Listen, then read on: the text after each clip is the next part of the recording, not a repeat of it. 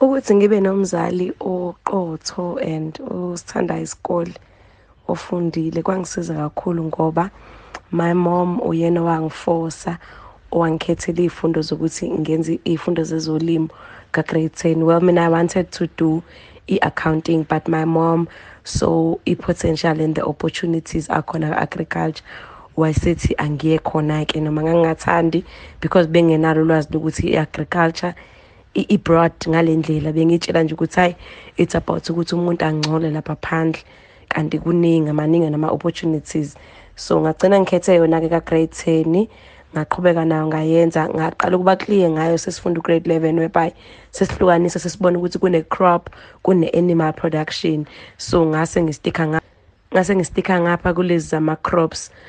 So ngaqhubeka nase-university-ke ngenza yona ngenza i-bachelor of science in agriculture agronomy ongoye ngenza i-organic farming ethi umgibe ngenza i-poultry production and i-horticulture with i-women in farming program yaka-momentum metropolitan.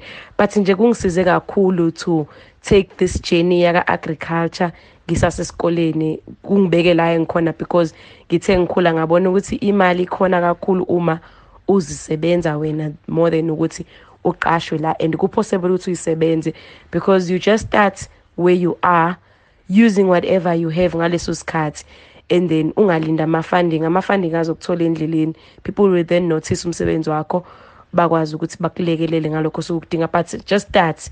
Zama nje ufuna ama-opportunities because an opportunity missed is not actually missed but it is taken by others.